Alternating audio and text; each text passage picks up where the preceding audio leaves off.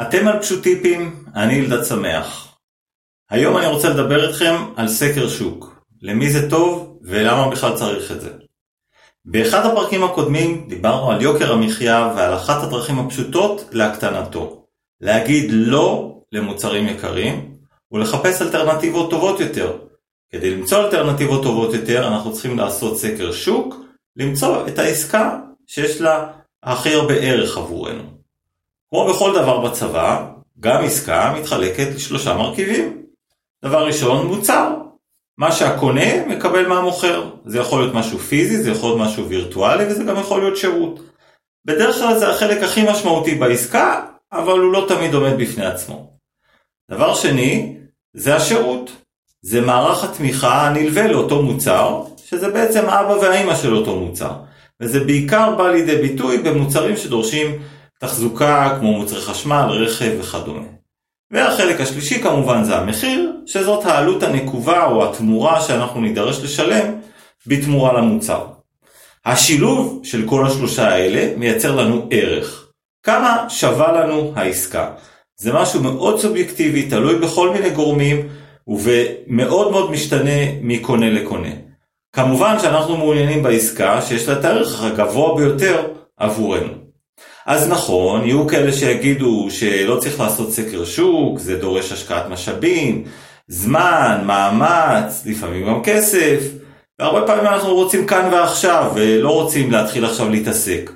אבל לסקר שוק יש הרבה יתרונות. קודם כל, סקר שוק הוא מעשה צרכני נבון. לקלוט על עיוור זה משהו ממש לא מומלץ, זה משהו שכל המוכרים מייחלים לו, ובמידה מסוימת הוא מבטא חולשה שלנו, הצרכנים, חולשה שמנוצלת היטב על ידי גופים עסקיים רבים, כי אנחנו לא בודקים ופשוט קונים. אנחנו בעצם חלומו הרטוב של כל מוכר, וזה משהו שמאוד מאוד מגדיל את יוקר המחיה. דבר נוסף, תוך כדי ביצוע הסקר אנחנו לומדים יותר על המוצר, הרבה פעמים כל מיני מאפיינים שלא ידענו שיש לו, ממוכר למוכר אנחנו גם יודעים יותר ויותר על המוצר ועל התכונות שלו.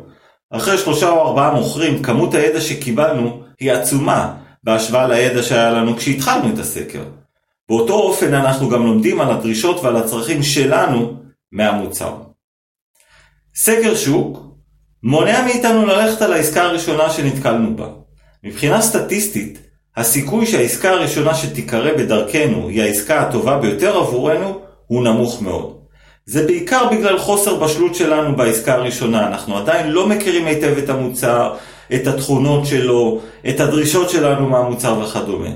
אגב, מתווכי נדל"ן מאוד מודעים לכך, ותמיד את בית חלומותיכם הם יראו לכם בתור הבית השלישי או הרביעי, ו- ולא הבית הראשון שהם יראו לכם. רק לאחר שעברנו כמה מוכרים ולמדנו על המוצר ועל הדרישות שלנו, אנו מסוגלים להעריך נכון מהו המחיר ההוגן עבור העסקה. אם המחיר יקר מדי, אז אנחנו מקבלים את התחושה שיצאנו פראיירים ודפקו אותנו. ואם הוא זול מדי, אז המוכר יצא עם התחושה הזאת. ויתרה מכך, מחיר זול מדי לאורך זמן, יקשה על המוכר לתמוך במוצר, ואולי אפילו יגרום לו לסגור את עסקיו. וזה משהו שאנחנו לא מעוניינים בו, כי אז לא יהיה לנו ממי לקנות יותר. אז מחיר הוגן הוא בהחלט אינטרס של שני הצדדים. ברוב המקרים, סקר שוק חוסך הרבה כסף כי הוא מייצר לנו אפשרויות בחירה. ואנחנו כבני אנוש אוהבים מגוון. זה עניין אבולוציוני, אין לנו איך להתגבר על זה. אגב, אני, כשאני אומר מגוון, אני לא מתכוון למחיר נמוך יותר, אלא לעסקה טובה יותר. יכול להיות שאנחנו נרכוש מוצר שהוא יקר יותר, אבל הוא איכותי הרבה יותר, ועם שירות טוב יותר, מה שיהפוך את העסקה כולה לשווה יותר, ולכן בשקלול הכולל היא תהיה עם מחיר נמוך יותר.